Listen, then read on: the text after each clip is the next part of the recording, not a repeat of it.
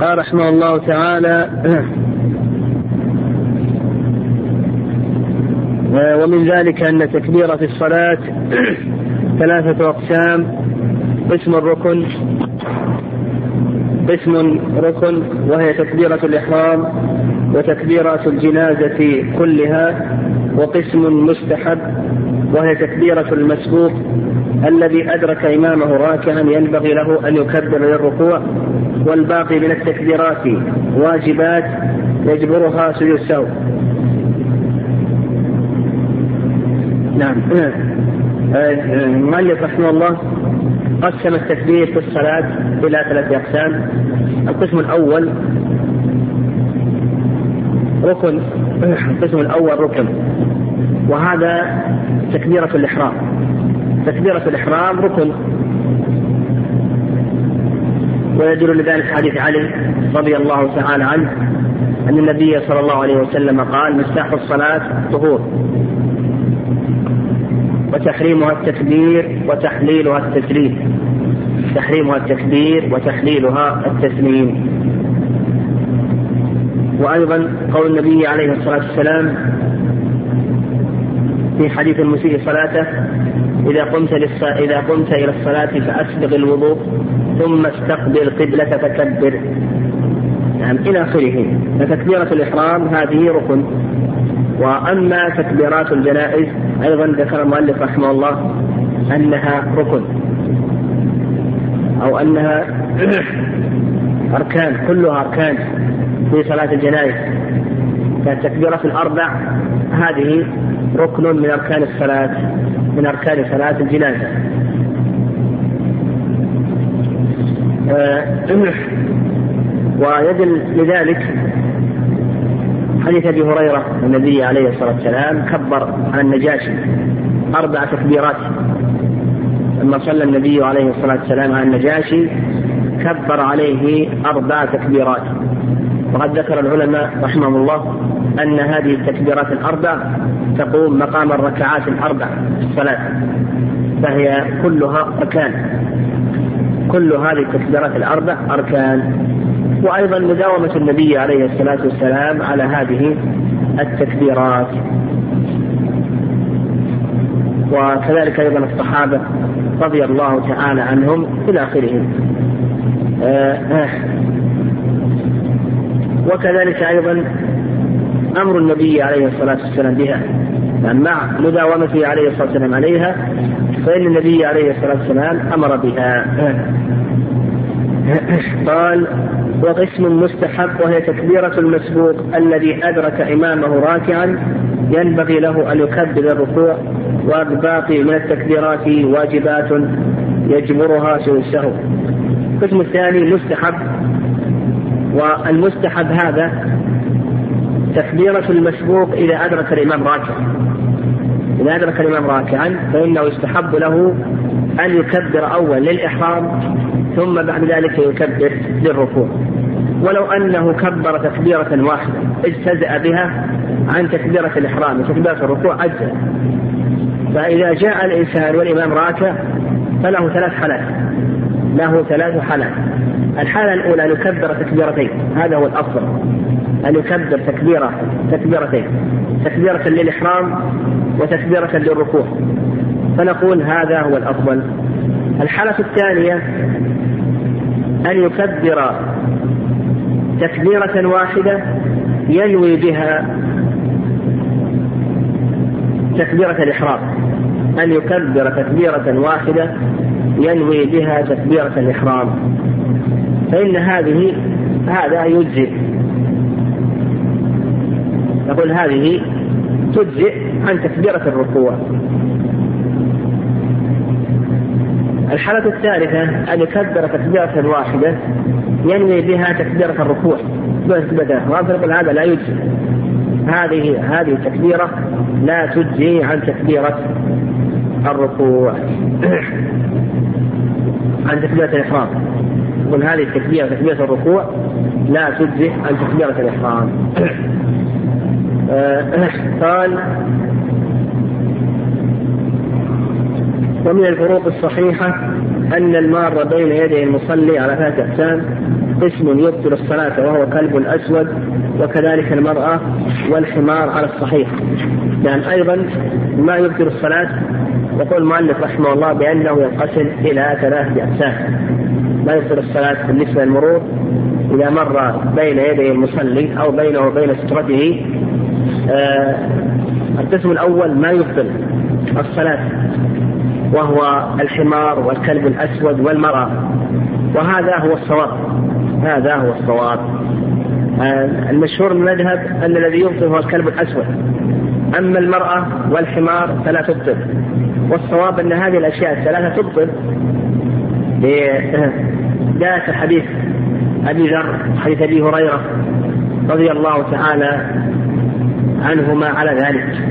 فالصواب أن هذه الأشياء الثلاثة المرأة والكلب الأسود والحمار أنها تبطل الصلاة. هذا الصواب. هذا القسم الأول. قال وقسم ينقص الصلاة ولا يبطلها وهو من عدا المذكورات. يعني إذا مر رجل أو مرت امرأة غير بالغة.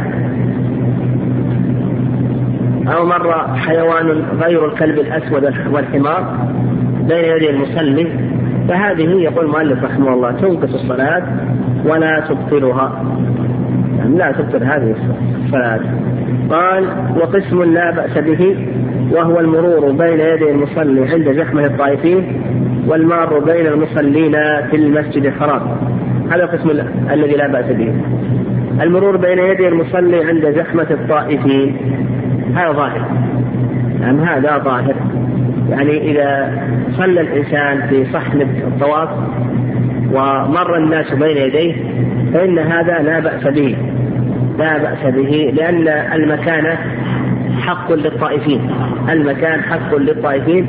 فقول الإنسان يمر بين يدي الإنسان يمر بين يدي المصلي هذا لا بأس به في حال آه الطواف لأن هذا حق للطائف المكان. وقال المؤلف والمار بين المصلين في المسجد الحرام. لأن هذا هو المشهور المذهب أنه لا بأس بالمرور بين يدي المصلي في المسجد الحرام. أما هذا فيه نظر يعني فيه نظر. والصواب العموم وأنه لا يجوز المرور بين يدي المصلي لا في المسجد الحرام ولا في غيره لعموم الأدلة لعموم الأدلة. هذا هو الصواب. اللهم إلا إذا كان في الزحمة. إذا كان الزحمة ف موضع الضرورة يقدر بقدره فإذا كان هناك زحمة فلا بأس. أما إذا لم يكن زحمة فالأصل أنه لا يجوز.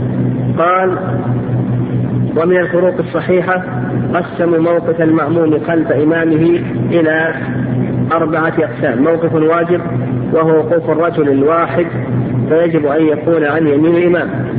إلى آخره. هذا موقف المأموم.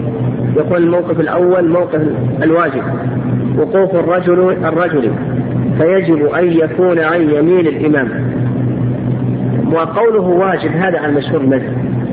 وعند جمهور أهل العلم أنه على سبيل الاستحباب يعني وقوف الرجل إذا كان واحدا عن يمين الإمام أنه على سبيل الاستحباب وليس على سبيل الوجوب. وعلى هذا لو وقف عن يساره فإن الصلاة صحيحة. نعم هذا هو الصواب. هذا هو الصواب. فنقول لا بأس أن يقف عن يمينه وعن يساره لكن الأفضل والأحوط أن يقف عن يمين الإمام. وأما الوقوف عن عن يمينه فهذا ليس واجبا لا يجب إلا على المذهب. قال وموقف مستحب وهو وقوف المأمومين اثنين فأكثر خلف الإمام ووقوف المرأة خلف الرجل. موقف مستحب. وقوف المأمومين اثنين فأكثر خلف الإمام. وهذا دليله حديث جابر الجبار أن النبي عليه الصلاة والسلام ردهما إلى قلبه. وكان في أول الإسلام كان في أول الإسلام أنهم إذا كانوا اثنين والإمام هو الثالث أنه يقف في وسطهم. ثم بعد ذلك نسخ نسخ هذا وأصبح السنة أن يتقدم الإمام ويتأخر المأمومون إذا كان اثنين فأكثر. هذا هو السنة. لكن لو وقفوا عن يمين الإمام وعن يساره صحت الصلاة صلاة صحيحة لكن تركوا السنة والفضيلة. تركوا السنة والفضيلة. فالسنة والفضيلة أن يتقدم الإمام ويتأخر المأمون. قال وقوف المرأة خلف الرجل. أيضا هذا هو السنة. سنة أن أن يعني وقوف المرأة مع الرجل وقوف المرأة مع الرجل خلف الرجل. خلف الرجل. لا تقف عن يمينه. وإنما السنة أن تقف عن آه، أن تقف خلفه. حتى ولو كان محرم حتى ولو كان محرم له لو صلى الإنسان بأهله. فإن السنة أن أن تكون المرأة خلفه. السنة أن تكون المرأة خلفه. نعم وهكذا. آه، آه. ولو وقفت عن يمينه وهي محرم صح ذلك جاز لكن السنة تقف خلفه. هذه كانت المرأة مع مع الرجل. أما المرأة مع المرأة فكالرجل مع الرجل. فتقف المرأة عن يمين المرأة ولا تقف خلفها ووقوفها خلفها لا يصح. ولو وقفت عن يسارها فيصح عند الجمهور لكن عند الحنابلة يرون أنه لا يصح. قال وموقف مباح. موقف مباح وهو وقوف المرأة.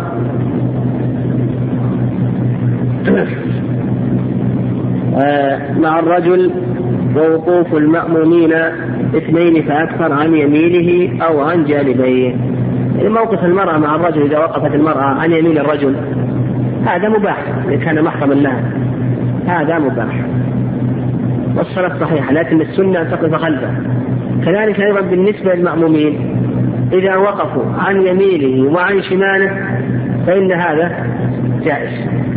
إذا وقفوا عن يمينه وعن شماله فإن هذا جائز. وقد أشرت أن هذا كان في أول الإسلام. ثم نسخ وقد خفي الناس على ابن مسعود رضي الله تعالى عنه. وابن مسعود صلى بين علقمة والأسود. لكن السنة إذا كانوا ثلاثة أن يتقدم الإمام وأن يتأخر المأمومان. قال ووقوف ممنوع وهو وقوف الرجل الواحد خلفه أو خلف الصف مع القدرة على المصافة وكذلك عن مذهب وقوفه عن يسار إمامه إذا كان وحده والله أعلم. أيضا يقول المؤلف رحمه الله وقوف ممنوع.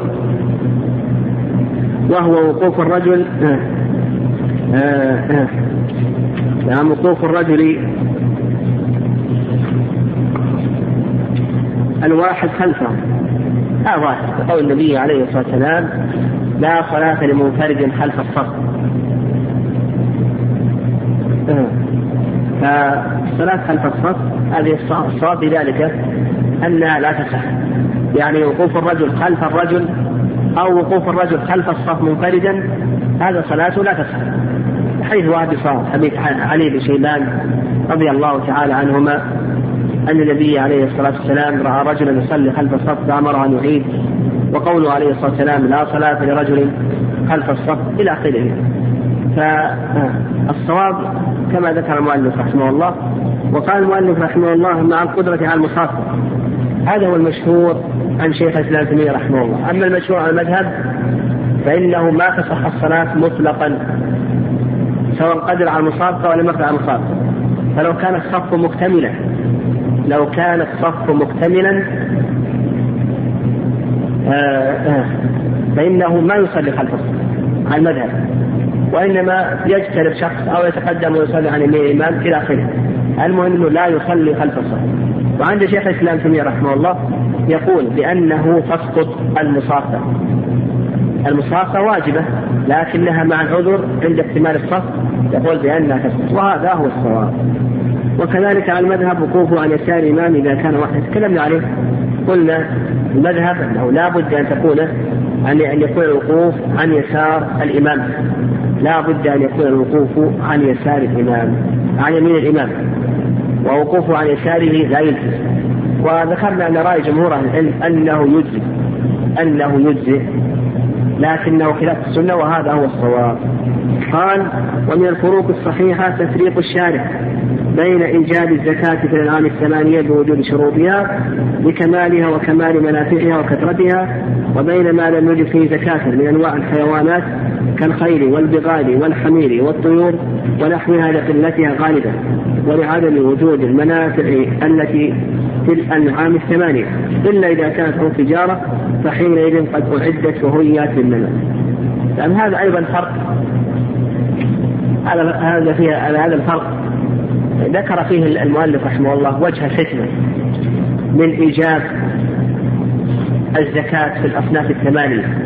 يعني في الإبل في البقر في الغنم هذه الغنم سواء كانت معزا أو ضأنا.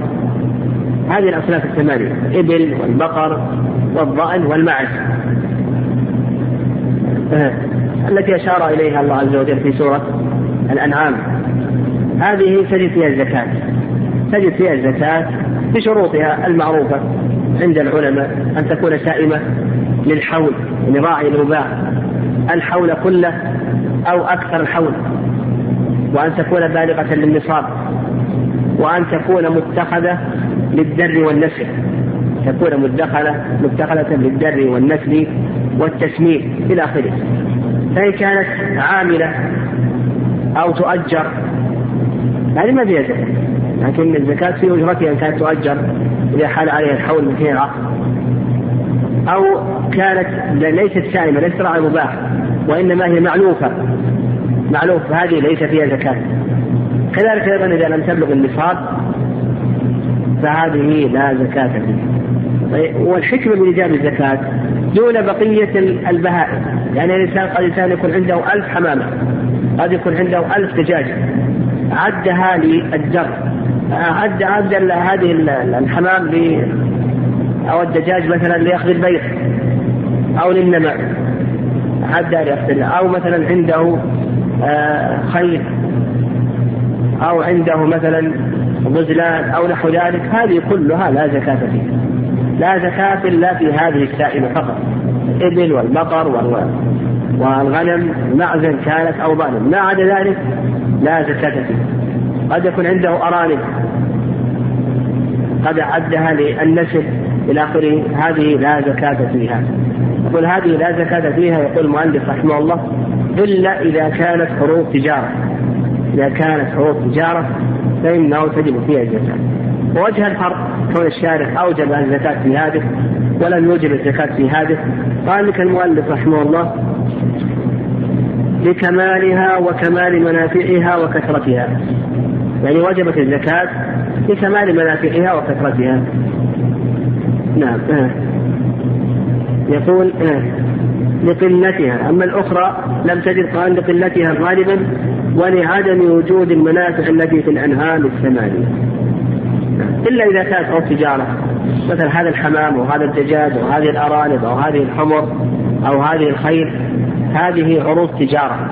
فإنه تجب فيها تجب فيها الزكاة. نعم، قال المؤلف رحمه الله وكذلك التفريق بين ما تجب فيه الزكاة من الحبوب والثمار المدخرة. إذا بلغت نصابها الشرعي لكمال النعمة فيها دون بقية الخبر والفواكه لأنها دون ذلك في كل شيء. أيضا ماذا أو ما هو الشيء الذي تجب فيه الزكاة من الحبوب والثمار الزكاة على المذهب تجب في كل مكيل مدخر. كل مكيل مدخر تجب فيه الزكاة من الحبوب والثمار إذا كان إذا جمع إذا جمع هذين الوصفين الكيل والإدخار. جمع هذين الوصفين الكيل والإدخار. فإنه تجب فيه تجب فيه الزكاة. فيدخل في ذلك البر والشعير والأرز والدخن والذرة وغير ذلك. يعني حب الرشاد إلى آخره حتى وإن لم يكن قوتا ما دام أنه يكاد يقدر بالكيل بالصاع والمد إلى آخره ويدخر. تجب فيه الزكاة ما عدا ذلك ما عدا ذلك الذي لا يكال أو لا يدخر مثل الخضروات والفواكه هذه كلها لا زكاة فيها. الخضروات على سائر أنواعها والفواكه هذه على سائر أنواعها هذه لا زكاة فيها. وكانت هذه الأشياء تزرع في عهد النبي صلى الله عليه وسلم. ومع ذلك لم يرد أن النبي عليه الصلاة والسلام كان يأخذ الزكاة من هذه الأشياء أو قدر لها نصابا فهذا يدل على عدم الوجوب والعلة في ذلك أو الحكمة في أن الزكاة تجب فيما كان مكيلا مدخرا كما هو المذهب. أو ما كان مقتاتا مدخرا كما قال مالك الشافعي. العلة قال لك المؤلف رحمه الله كمال النعمة في المدخرات المكيلات دون الخضر والفواكه فإن النعمة لا تختلف فيها عن عدم ادخارها. قال وكذلك التفريق في الأمتعة والأثاث ونحوها المعدة للتجارة فتجب فيها الزكاة إذا بلغت قيمتها نصابا دون الأشياء المعدة القنية المصروفة عن النماء. كذلك أيضا عروض التجارة أو نقول العروض. إذا كانت معدة للتجارة ففيها الزكاة مثل السيارات والفرش والكتب والمواد الغذائية إلى آخره. إذا كانت معدة للربح ففيها الزكاة. إذا لم تكن معدة لذلك فإنه لا زكاة فيها إذا لم تكن معدة ولهذا قال النبي عليه الصلاة والسلام ليس على المسلم في عبده ولا فرسه. فقال في عبده ولا فرسه صدقة. والإضافة هنا الإضافة هنا آه، للتمليك والاختصاص الأشياء التي يختص بها الإنسان التي يملكها ويختص بها لم لم يعد يعدها للتجارة فإنه لا زكاة فيها. نعم.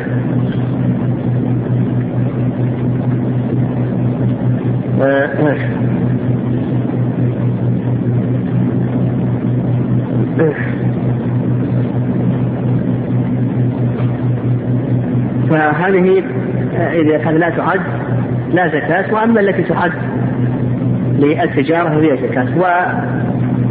ووجه الفرق كما ذكر المؤلف رحمه الله أن المعدة للتجارة معدة للنماء وأما التي ليست معدة للتجارة مثل السيارة التي يركبها والبيت الذي يسكنه إلى آخره فهذه ليست معدة للنماء. قال وكذلك على الصحيح التفريق بين الديون التي في لمن الموسرين البادرين فتجب فيها الزكاة لأنها مال في الحقيقة وهي في قوة الموجودة عند الإنسان دون الديون التي في لمن المؤثرين أو التي لا يقدر على استخراجها فإنها ليست بمنزلة الأموال الحقيقية. ولا تفيد صاحبها ولا تغنيه. فضلا عن كونها عن كونها غير نامية. أيضا هذا فرق في الدين. ما هو الذي تجب فيه الزكاة؟ وما هو الذي لا تجب فيه الزكاة. فيقول الدين إذا كان على موسر باذل وجبت فيه الزكاة. وأما إذا كان على معسر أو موسر غير باذل فإنه لا تجب فيه الزكاة. ووجه الفرق. قال إذا كانت على موسر باذل في قوة الموجود عند الإنسان. كأنها موجودة عند الإنسان. متى ما أراد يذهب ويأخذها أما إذا كانت على معسر أو على موسر مماطل فهذه لا تجب فيها الزكاة. هذه لا تجب فيها الزكاة. لأن آه، يقول لأنها ليست بمنزلة الأموال الحقيقية ولا تفيد صاحبها ولا تنمي والصواب في ذلك أنه يجب أن تزكى مرة واحدة. يعني مثل هذه الأشياء الأموال التي على المعسرين أو على موسر مماطل. على موسر مماطل. فهذه تجد فيها الزكاة مرة واحدة فقط. ومثل ذلك أيضا الأموال الضائعة والأموال المفقودة. لو كان الإنسان له مال مفقود ثم وجده أو مال ضائع ثم وجده أو المال مغصوب أو مسروق أو منتهك أو مختلف. ثم خلصه. خلص هذا المال. يقول تجد فيه زكاة مرة واحدة. قال وكذلك التفريق بين من يعطى من الزكاة لحاجته فلا بد أن يكون فقيرا محتاجا وبين من يأخذ لحاجة الناس إليه فيعطى ولو كان غنيا. هذا أيضا فرق فيما يتعلق بآخر الزكاة. آخر الزكاة أو أهل الزكاة ثمانية كما نص الله عز وجل عليه. كما نص الله عز وجل عليهم آه. منهم من يأخذ الزكاة لحاجته الذي يأخذ الزكاة لحاجته هذا لا بد أن يكون فقيرا أو محتاجا كما ذكر المؤلف من يأخذ الزكاة لحاجته مثل الفقير مثل المسكين مثل الغارم هذا يأخذ الزكاة لحاجته. هذا نعطيه من الزكاة. يعني أو لا بد لكي نعطيه من الزكاة أن يكون فقيرا أو محتاجا. القسم الثاني من يأخذ من الزكاة لحاجة الناس إليه. يعني لحاجة الناس إليه. فهذا لا يشترط أن يكون فقيرا أو محتاجا. مثل الغارم ذات البيع الغارم ذات البيع فهذا حتى لو كان غني تحمل في ذممه هذه الأشياء. فإنه يعطى حتى ولو كان غني لأنه هنا لا يأخذه لحاجته وإنما لحاجة الناس. مثل ذلك أيضا العامل على الزكاة. نعطيه منها ولو كان غنيا العامل على الزكاة يعطى ولو كان غنيا مثل ذلك أيضا المجاهد في سبيل الله. نعطيه من الزكاة حتى ولو كان حتى ولو كان غنيا. مجاهد في سبيل الله هذا يعطى من الزكاة حتى ولو كان غنيا. أيضا ابن السبيل مسافر ابن السبيل مسافر أيضا يعطى من الزكاة حتى ولو كان غنيا في بلده. وهنا يعني يعطي من الزكاة لحاجته. هو إذا اشترط أن يكون محتاجا حال السفر. يعني حال السفر. لكن إذا كان في غير حال السفر في بلده غنيا فهذا أيضا نعطيه نعطيه من الزكاة ما دام أنه محتاج في حال السفر. آه كذلك أيضا المؤلف قلبه المؤلف قلبه هذا يعطى من الزكاة حتى ولو كان حتى ولو كان غنيا. فيقول له فرق آه آه يعني هذا الفرق الذي ذكره المؤلف رحمه الله بين ما يأخذ الزكاة ما يأخذ الزكاة إذا كان فقيرا أو محتاجا. فلا بد من يأخذ لحاجته لا بد أن يكون فقيرا محتاجا. من يأخذ لحاجة الناس إليه فيعطى ولو كان غنيا قال ومن الفروق الصحيحة التفريق بين تصرفات المكره بغير حق وأنها غير صحيحة. ولا تفيد ولا تفيد ملكا ولا غيره والمكره بحق الذي يكره الواجب عليه فإنه إكراه بحق والتصرف فيه صحيح. أيضا هذا فرق صحيح. أيضا هذا من الفروق الصحيحة. بالنسبة في باب التصرفات فرق بين المكره بحق والمكره بغير حق. فإذا كان الإكراه بغير حق فالتصرف غير صحيح. لو أن الإنسان أكره لو أن الإنسان أكره على بيع ماله. وهذا الإكراه بغير حق. هذا الإكراه بغير حق. فنقول هذا البيع باطل. أو أكره على تأجير بيته. أو أكره على عقد الشركة. أو على عقد الضمان إلى آخره. فنقول هذا إكراه غير صحيح. هذا إكراه باطل. القسم الثاني أن يكون الإكراه بحق. فهذا إكراه صحيح والتصرف صحيح. مثلا لو أكره الإنسان على بيع ماله لوفاء دينه أو أكره على بيع ماله للنفقة على أولاده أو قريبه الذي تجب عليه لهم النفقة فهنا نقول بأن الإكراه بحق فيصح التصرف. قال لا أدري يعني في اقتراح إذا كنتم تريدون أن نبقى الدرس الثاني ونواصل يعني. يصير بالنسبة للدرسين يعني في خلال هذا الأسبوع الدرس الأول والثاني آه، في الفروق والدرس الثالث في الفقه كي نكمل الرسالة يعني الرسالة بقي عليها ها كيف؟ كيف؟ أي نسقط الأجر منه نكمله بعدين إن شاء الله. بعدين نبحث عليه هذه يعني خلال هذه ما بقى علينا الآن إلا ها؟ إلى نهاية الأسبوع هذا فنواصل نواصل لكي نكمل الرسالة هذه. يكون خرجنا يعني هذه الرسالة. وعلى جرومية إن شاء الله. يكون عندنا الدرس الأول والثاني كله فروق. والدرس الثالث. نواصل فيه والأجر به إن شاء الله نلحق عنه نواصل طيب.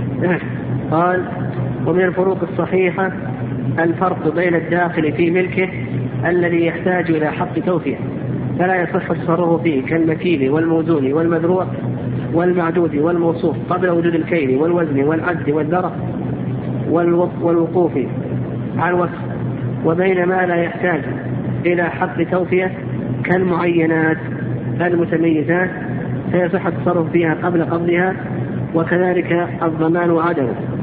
فما احتاج نعم, نعم. هذا أيضا المذهب بالنسبة للتصرف في المبيع. التصرف في المبيع قبل قبضه. وقد تكلمنا عليه في أحكام البيع وأنهم فرقوا قسموا المبيع ثلاث أقسام. القسم الأول ما لا يحتاج إلى توفير. كالذي يبيع جزافا يعني تبيع مثلا هذه المحركات تبيع هذه السيارات تبيع هذه الأقمشة المواد الغذائية إلى آخره. هذه لا تحتاج إلى توفير. أنت تراها الآن يجوز لك التصرف فيها قبل قبضه القسم الثاني ما بيع بوصف أو رؤية متقدمة. ما بيع بوصف أو رؤية متقدمة. هذا لا يصح التصرف فيه قبل قبضه. القسم الثالث ما يحتاج إلى توفير. كالذي يبيع بكيل أو وزن أو عد أو ذر. يعني يحتاج إلى كيل ويحتاج إلى وزن وعد يعني باع كالبر. كل صاع بريال. باعت هذه السلع. كل حبة مثلا بريال. هذا المزروعات كل متر بريال إلى آخره.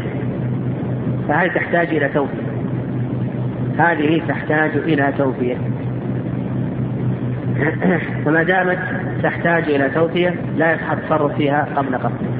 والصواب بذلك كما ذكر شيخ الإسلام تيمية رحمه الله والمؤلف رحمه الله ماشي على المذهب. لكن الصواب في ذلك أن كل مبيع قبل قبضه لا يصح التصرف فيه حتى يقبض. يعني كل مبيع لا يصح التصرف فيه حتى يقبض هذا هو الصواب. إلا أن شيخ الإسلام استثنى ها؟ مسألتين. ما هم؟ عبد الله. ها؟ وارد نسيت عبد الحفيظ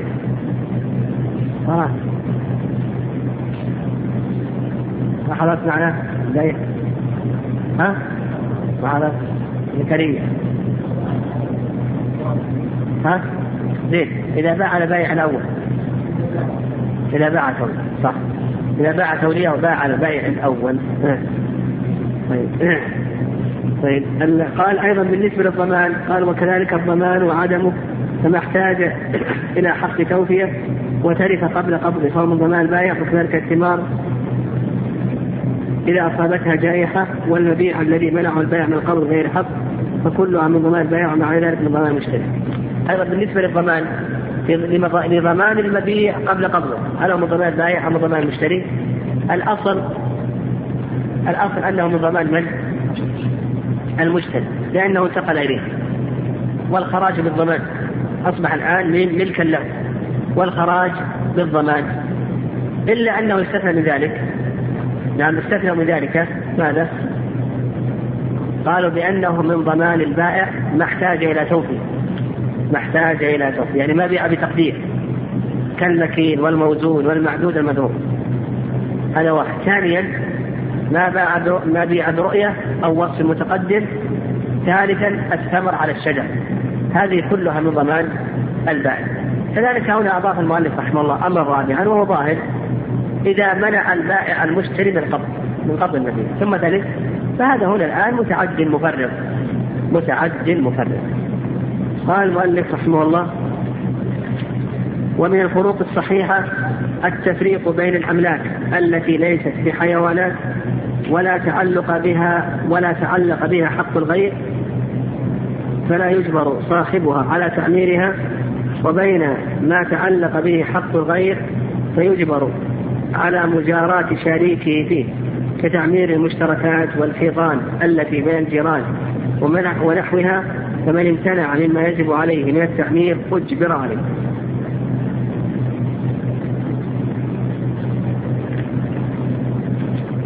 نعم آه. هنا أيضا المؤلف رحمه الله يقول لك الأملاك الأملاك إذا كانت مشتركة بين شخصين هذه الأملاك لا تخلو من أمرين. الأمر الأول أن تكون حيوانا. وهنا يجب على كل من الشريكين النفق على هذا الحيوان يجب على كل منهما أن ينفق على هذا الحيوان هذا الأمر الأول. لو أن أحدهم امتنع مثلا لهم بقر لهم إبل امتنع من الإنفاق فإنه يجبر على ذلك. هذا ظاهر. الأمر الثاني ألا تكون حيوان. لا تكون حيوان مثل مثل البيوت مثل الحيطان. لو أن ال ال البيت انهدم أحدهما له الدور الأسفل والآخر له الدور العلوي فهل نجبر صاحب الدور الأسفل؟ أن يبني لكي يبني من فوقه؟ لو قال الفوقاني يحتاج أن يبني. فهل نجبره أن أن يبني الأسفل لكي يبني الذي فوقه؟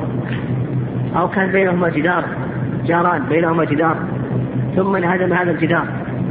فهل نجبره على أن يبني؟ هل نجبره على أن يبني أو لا؟ أو لا نجبره على أن يبني؟ هذا ذكر المؤلف رحمه الله قال فلا يجبر صاحبها على تعميره ولا تعلق بها حق الغير. يعني إذا كانت إذا كان هذا الملك لا يتعلق به حق الغير. وقسمها المؤلف رحمه الله قسمين. القسم الأول يعني غير الحيوان. الحيوان انتهينا منه. القسم الأول الحيوان هذا يجبر على الإنفاق القسم الثاني غير الحيوان. مثل العقارات. هل يجبر أو لا يجبر؟ قسمه المؤلف رحمه الله إلى أمرين. الأمر الأول أن لا يكون هناك تعلق بحق الغير في هذا العقار. يعني هذا العقار مستقل به زيد له هذا الحائط ما نجبره على بناء هذا الحائط لو سقط. له هذا البيت لا نجبره على بنائه لو سقط. القسم الثاني تعلق به حق الغير. كما مثلنا حائط مشترك أو إنسان مثلا يملك نصف هذا البيت وهذا يملك النصف ثم سقط البيت. هل نجبرهم على التعمير أو لا نجبرهم على التعمير إلى آخره؟ هنا يقول المؤلف رحمه الله إذا كان يتعلق به حق الغير فمن امتنع فإنه يجبر على التعمير. من امتنع فإنه يجبر على التعمير. والأقرب في ذلك أن يقال أننا نجبره على التعمير إذا كان يستفيد. إذا كان يستفيد. أو يجبر على البيع. إما أن إما أن إما أن يعمر بشرط أن يكون أن أن يستفيد ولا ضرر عليه. لأنه قد يأمر قد يجبر على التعمير ويتضرر بذلك. مثل لا يساوي شيء. يجبرناه صاحب الأسفل أن يأمر لكي يأمر صاحب الأعلى. قد يلحق ضرر في ذلك. قد يلحقه ضرر بذلك.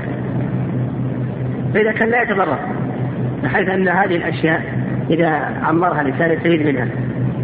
إما بأجار بالمثل أو بالبيع بالمثل ونحو ذلك ولا نجبره. ونقول إما أن تعمر وإما أن تبيع. إما أن تعمر وإما أن تبيع. فيشتري شخص يعمر لكي لا يتضرر صاحب الأعلى فأما إذا كان يلحقه ضرر بالتعمير فهنا لا يوجد قال ومن الفروق الضعيفة تفريق في جميع أبواب الولايات والاستحقاقات أنها لجميع العصبة من القرابات إلا الولاية المالية فإنها للأب وحده ومن بعده تنتقل الحاكم. يقولون لأن الأموال محل الأصناع فباقي الأولياء يخشى من ولايته. أيضا هذا تفريق جيد تفريق جيد فيما يتعلق بباب الولايات. في باب الولايات يقول لجميع العصر من القرابات مثلا ولاية النكاح من يتولى؟ الأب. بعد الأب الجد وإن على. الأصول. بعد الأصول ها؟ الفروع. بعد الفروع الحواشي. يعني الأب ثم الجد وإن على. الإبن وابن الإبن وإن نزل. ثم ذلك الحواشي الإخوة وبنوهم الأعمام وبنوهم إلى آخره. طيب هذا بالنسبة لولاية النكاح. وغيره. أيضا بالنسبة لتولي أمر الميت التغسيل التكفين الصلاة أيضا من يتولى أمره إلى آخره جميع القرابة يتولونه إلا ما يتعلق بالمال من يتولى الصغار من يتولاهم المجانين السفهاء يتولاهم الأب. لم يكن هناك أب وصيه في النكاح لم يكن الحاكم القاضي. يتولى أمرهم ويوكل شخص. أن يكون الحاكم يقوم بالنظر عليهم أو يقوم بالتوكيل. أو يقوم بالتوكيل. يقول المؤلف رحمه الله بأن هذا فرق ظهير كيف نفرق بين ولاية المال وسائر الولايات؟ الصواب في ذلك الصواب في ذلك أن ولاية المال وغيرها من الولايات. أن ولاية المال وغيرها من الولايات ها؟ أنها تكون للقرابات. هذا هو الصواب وأنه لا فرق بين ولاية المال وغيرها. والعلة كما يقول قال لأن الأموال محل الأطماع فباقي آه، الأولياء يخشى من من ولايتهم. يعني الصواب في ذلك أنه لا فرق. وعقد النكاح أعظم من كونه يعني يعني كونه مثلا يتولى على صبي يملك ألف ريال أو يملك مئة ريال عقد النكاح هذا أعظم من كونه. يعني آه، ما يتعلق بعقد النكاح أعظم مما يتعلق بالمال. نعم بالمال. كونه يتولى على هذه المرأة ويقوم بتزويجها قد يزوجها لغير كفر قد ينظر إلى مصلحته. إلى آخره. والغبن في عقد النكاح لا يساوى بالغبن في المال لأن الغبن في النكاح هذا لا يمكن لا يمكن جبره. إذا زوجت المرأة بغير كفر أو برجل غير صالح إلى آخره أو بسيء الخلق إلى آخره. هذا لا يمكن غبنه لا يمكن جبره. هذا الكسر لا يمكن جبره. لكن لو أنه فرط في هذا المال وخسر فهذا يمكن جبره. قال والصواب أن هذا الباب كغيره وإذا شرطنا أن الولي لا بد أن يكون عدلا مرضيا زال المخلوق الذي يخشى منه. ويقال ما للأقارب من الحنو والشفقة؟ يقتضي أن ولاية المال كغيره من الولايات فالأولى والله أعلم. وهذا الصواب. الصواب أنه لا فرق بين ولاية المال وبين سائر الولايات. ونشترط وقال المؤلف عادلا مرضيا فيقال قويا امينا كما اشترط الله عز وجل. إن خير من الشجر القوي الأمين. فإذا كان أمين على هذا هذا المال قوي على تدبيره وحفظه والقوي على حفظه أمين عليه أمين على هذه المرأة قوي على تدبيرها إلى آخره. فإنه يتولى لقول الله عز وجل إن خير من استاجرت القوي الامين قال ومن الفروق الصحيحة أن قول جميع الأمناء مقبول في دعوى التلف الممكن وأما مسألة دعوى الرد من قبض منهم المال لمصلحة تعود إليه لم يقبل قوله في الرد إلا البينة ومن قبض الشيء لمصلحة صاحبه فهو محسن وما على المحسنين من سبيل فقوله مقبول بيمينه. يعني يقول المؤلف رحمه الله من الفروق الصحيحة أن قول جميع الأمناء مقبول في دعوة التلف الممكن من هو الأمين؟ ها سبق أن عرفناه. محمد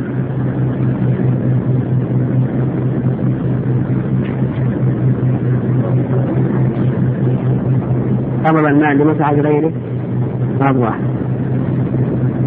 ها؟ محمد لا ها؟ أو صح. الأمين هو كل من قبض المال بإذن صاحبه أو بإذن الشارع. كل من قبض المال بإذن صاحبه أو بإذن الشارع. بإذن صاحبه مثل الوديعة مثل العريس. هذا صحيح. بإذن الشارع مثل مال يتيم. مثل الوقف إلى آخره. من الآن قبضه الشارع هذا الأمين الآن مقبول في دعوى السلف الممكن. لو قال مثلا هذه الوديعة قبضتها قبضها بين مالك ثم قال سلفت الوديعة. نقبل قوله. نقول نقبل قوله. ما دام أن قوله ممكن سلفت سلف هذا الكتاب نقبل قوله. سلفت السيارة نقبل قوله. قال أما مسألة دعوى الرد يعني هذه يعني كلامهم كلام الأمناء في التلف يقول يقبل. ثانيا كلامهم في الرد. لو قال أنا رديت الأمانة أنا رديت الأمانة يعني قال ثلث مال اليتيم نقبل قوله. ما دام هذا ممكن ولا حاجة إلى يمين. يعني هذا مقتضى الأمانة. طيب فيما يتعلق بالرد قال فمن قبض منهم المال بمصلحة تعود إليه لم يقبل قوله في الرد إلا البينة. ومن قبض الشيء لمصلحة صاحبه فهو محسن. ومع المحسن مثله في الرد فرق. مؤلف فرق في المال.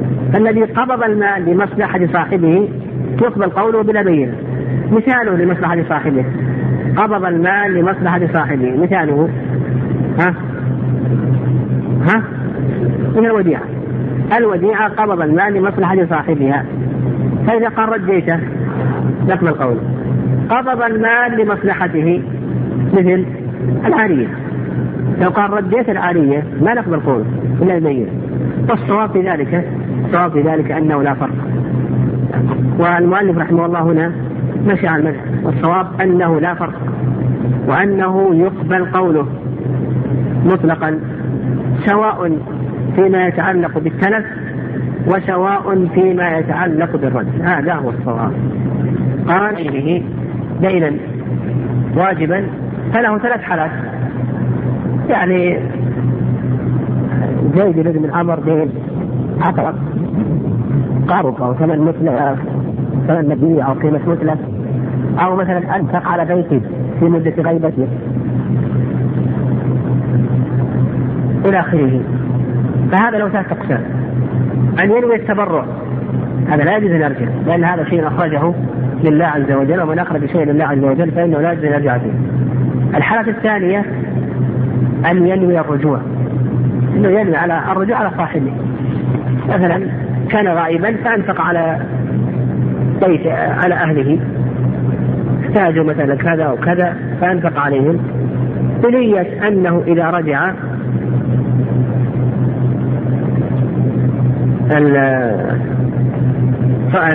صاحب البيت أنه يرجع عليه. ومن وجبت عليه النفقة أنه يرجع عليه. فهنا يرجع. الحالة الثالثة ألا ينوي رجوعا ولا تبرعا. الحالة الثالثة ألا ينوي رجوعا ولا تبرعا.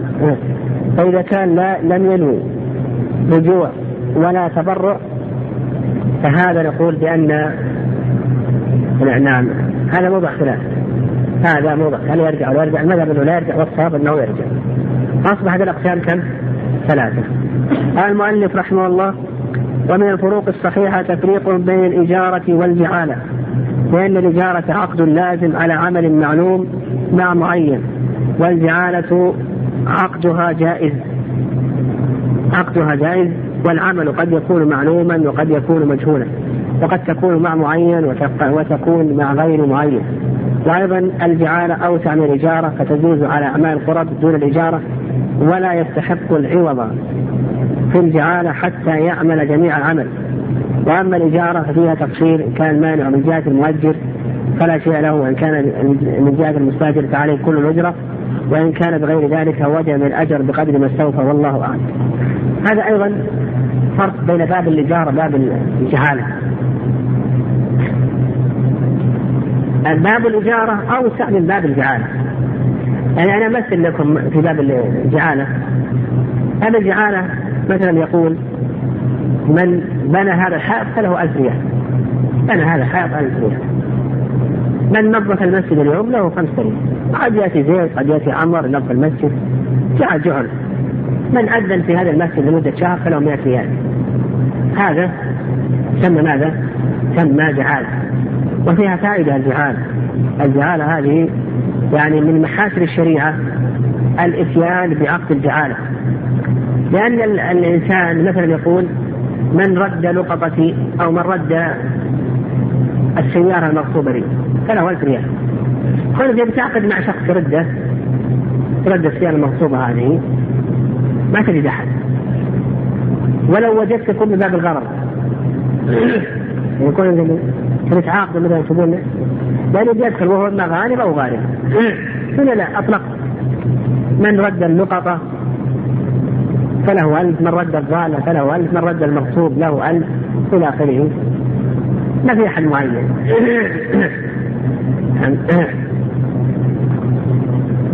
فكل من يتمكن أو كل من ردها أخذ الجهد أنت لو تبي تآجر شخص أنه يرد الضالة كان ما وجدت مثلا إلا ب 1000 ريال يمكن مع إمكانك تقول من رد الضالة ب 100 ريال. لأنه لن يدخل في هذه المعاملة إلا بمبلغ كبير وقد لا يتمكن من الرد. فهذه من المحاسن من محاسن الشريعة هو الاتيان بباب الجعالة أو مشروع أو تجويز باب الجعالة والجعالة هي الجعالة هي أن يجعل جعلا معلوما لمن يعمل له عملا معلوما أو مجهولا. مع معين أو مجهول. يعني مع معلوم أو مجهول. أن يجعل مالا معلوما لمن يعمل له عملا معلوما. عمل معلوم مثل تنظيف المسجد. عمل مجهول مثل رد اللقطة. مثلا قد يمشي يوم يومين خمس أيام إلى آخره. مع معلوم أو مجهول. قد يكون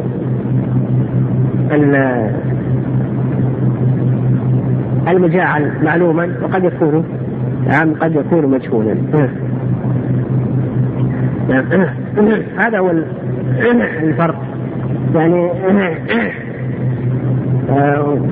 أما الإجارة فأمرها ظاهر. الإجارة أمرها ظاهر. فإن الإجارة تكون على عمل معلوم مع معلوم. تكون على عمل معلوم مع شخص معلوم. أو تكون الإجارة على مدة يعني الإجارة أن تكون على عمل أو تكون على مدة. طيب الفرق بينهما أن الإجارة عقد لازم. الإجارة عقد لازم. أما الجعالة فهي عقد جائز وكل منهما فرق مثل لو قال من نظف في هذا المسجد فله 100 ريال. من نظف المسجد له 100 ريال.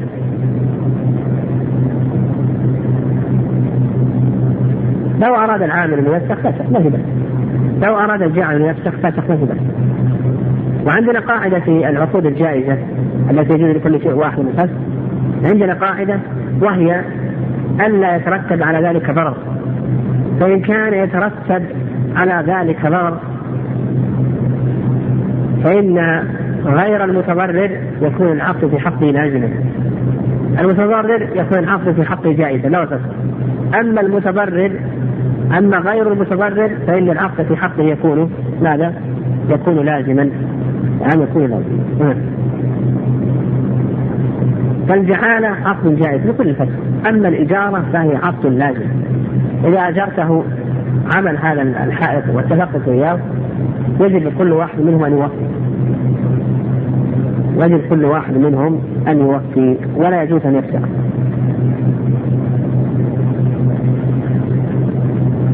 طيب قال والعمل قد يكون معلوما وقد يكون مجهولا. أيضا في الجعالة العمل قد يكون معلوم وقد يكون مجهول.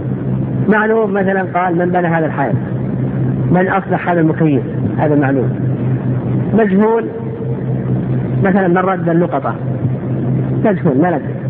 قد يستغرق يوم قد يستغرق يومين إلى أما العمل في الإجارة فإنه ماذا؟ معلوم. تؤاجره على أن يبني هذا الحائط طوله كذا عرضه كذا معلوم. تآجره على أن ينظف المسجد هذا معلوم. لكن تآجره على أن يرد اللقطه ما يصح لأنه مجهول هذا. لكن في باب الجهالة يصح قال وتكون مع معين ومع غير معين. في الجهالة تكون مع معين وتكون أيضا مع غير معين. مع غير معين تقول من أذن في هذا المسجد فله كذا وكذا. من أذن في هذا المسجد فله كذا وكذا. هذا غير معين. مع معين تقول نظف المسجد ولك جعل كذا وكذا. جعل فهذا جائز. أما الإجارة فإنها لا تكون إلا مع معين. لا تعقد عقد إجارة مع إنسان مجهول لا بد أن تكون مع معين. قال وأيضا الجعالة أوسع من الإجارة فتجوز على أعمال القرب هذا الفرق فذكر الفرق الأول اللزوم وعدمه. ثاني العلم الثالث تعيين العامل الرابع أن الجعالة تجوز على أعمال القرب. تجوز الجعالة أعمال القرب. يعني تقول من صلى إماما في هذا المسجد لمدة شهر فله ألف ريال. لكن تآجر شخص تآجر شخص مشارطة على أنه يصلي في هذا المسجد لمدة شهر. بألف ريال هذا محرم ولا يجوز؟ آجر على أنه يؤذن ها؟ نقول بأن هذا محرم ولا يجوز. ويدل ذلك قول النبي عليه الصلاة والسلام واتخذ مؤذنا لا يأخذ على أذانه أجرا. فالمؤاجرة المؤاجرة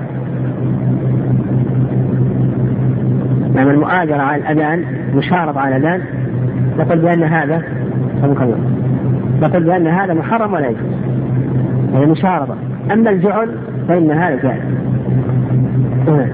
فأعمال القرب يصح أخذ الجعل عليه.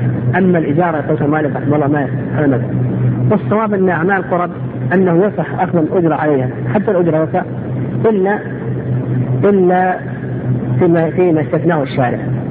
لقول النبي عليه الصلاة والسلام إن أحق ما أخذتم عليه أجرا كتاب الله. إن أحق ما أخذتم عليه أجرا كتاب الله. لكن إذا استثناه الشارع يقول هذا يمنع منه. مثل الأذان استثناه الشارع. يمنع منه. الإمامة أيضا. من باب أولى فإنه يمنع من ذلك. قال ولا يستحق العوض في الجعالة حتى يعمل جميع عمل وأما الإجارة ففيها تفصيل هذا من الفروق الفرق الخامس والسادس.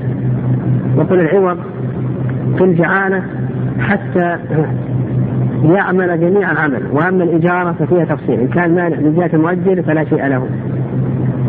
وإن كان من جهة المستاجر فعليه كل الأجرة.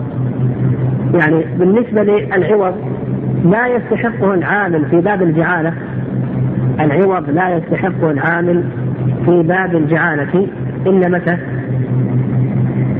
عمل كل العمل. مثلا قال من أدخل هذا الرمل إلى هذا المكان له 100 ريال. أدخل النصف ولم يكمل فقال العامل للجاعل أعطني. قال العامل للجاعل أدخلت النصف أعطني نصف المئة. هل يستحق ذلك ولا يستحق ذلك؟ يقول لا يستحق ذلك. هذا باب الجعالة طيب في باب الإجارة يقول المؤلف فيها تفصيل. إن كان المانع من جهة المؤجر فلا شيء له. وإن كان من جهة المستأجر فعليه كل الأجرة. هذا وإن كان بغير ذلك وجب من الأجرة بقدر ما استوفى والله أعلم. وقال لك المؤلف رحمه الله في باب الأجرة في تفصيل. في تفصيل. إن كان المانع المؤجر فلا شيء له. يعني مثلا زيد أجر عمرو بيته لمدة سنة بعشرة أشهر لما مضى خمسة أشهر المؤجر أخرج المستأجر. هل له شيء أو ليس له شيء؟ ما له شيء. قال أنا بخرج. يعني مضى ستة أشهر. أنا أجرتك البيت 10000 ريال. أعطني الآن خمسة آلاف ريال. أعطني الآن خمسة آلاف ريال. مقابل ما استأجرت هذا إذا كان من قبل من؟ من قبل المؤجر لا شيء له. قبل المالك. ويجب أن يوصي بالعقد إن كان من قبل المستأجر يعني المستأجر هو الذي ترك.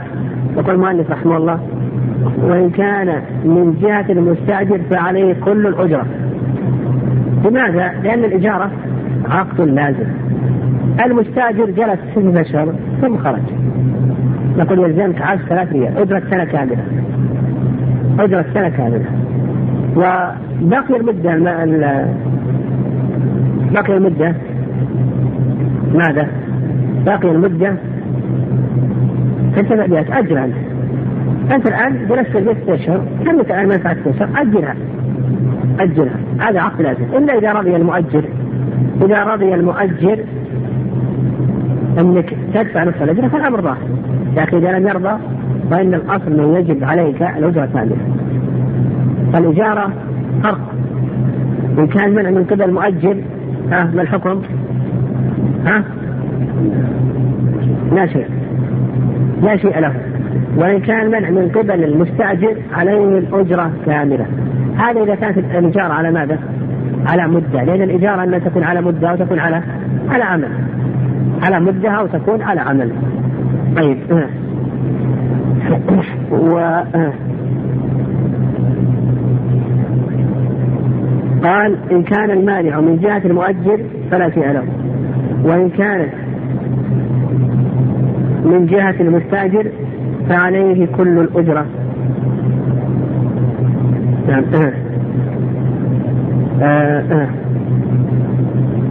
قال وإن كان بغير ذلك وجب من الأجرة بقدر ما استوفى. يعني إن كان المنع لا من جهة المؤجر ولا من جهة المستأجر. لا من جهة المؤجر ولا من جهة المستأجر. مثلا سقط البيت. سقط البيت. جلس في البيت ستة أشهر وبعد أن مضت ستة أشهر سقط البيت. جاءت أمطار وسقط وش الحكم هنا؟ يقول عليه من الأجرة ما استوى مو ستة أشهر.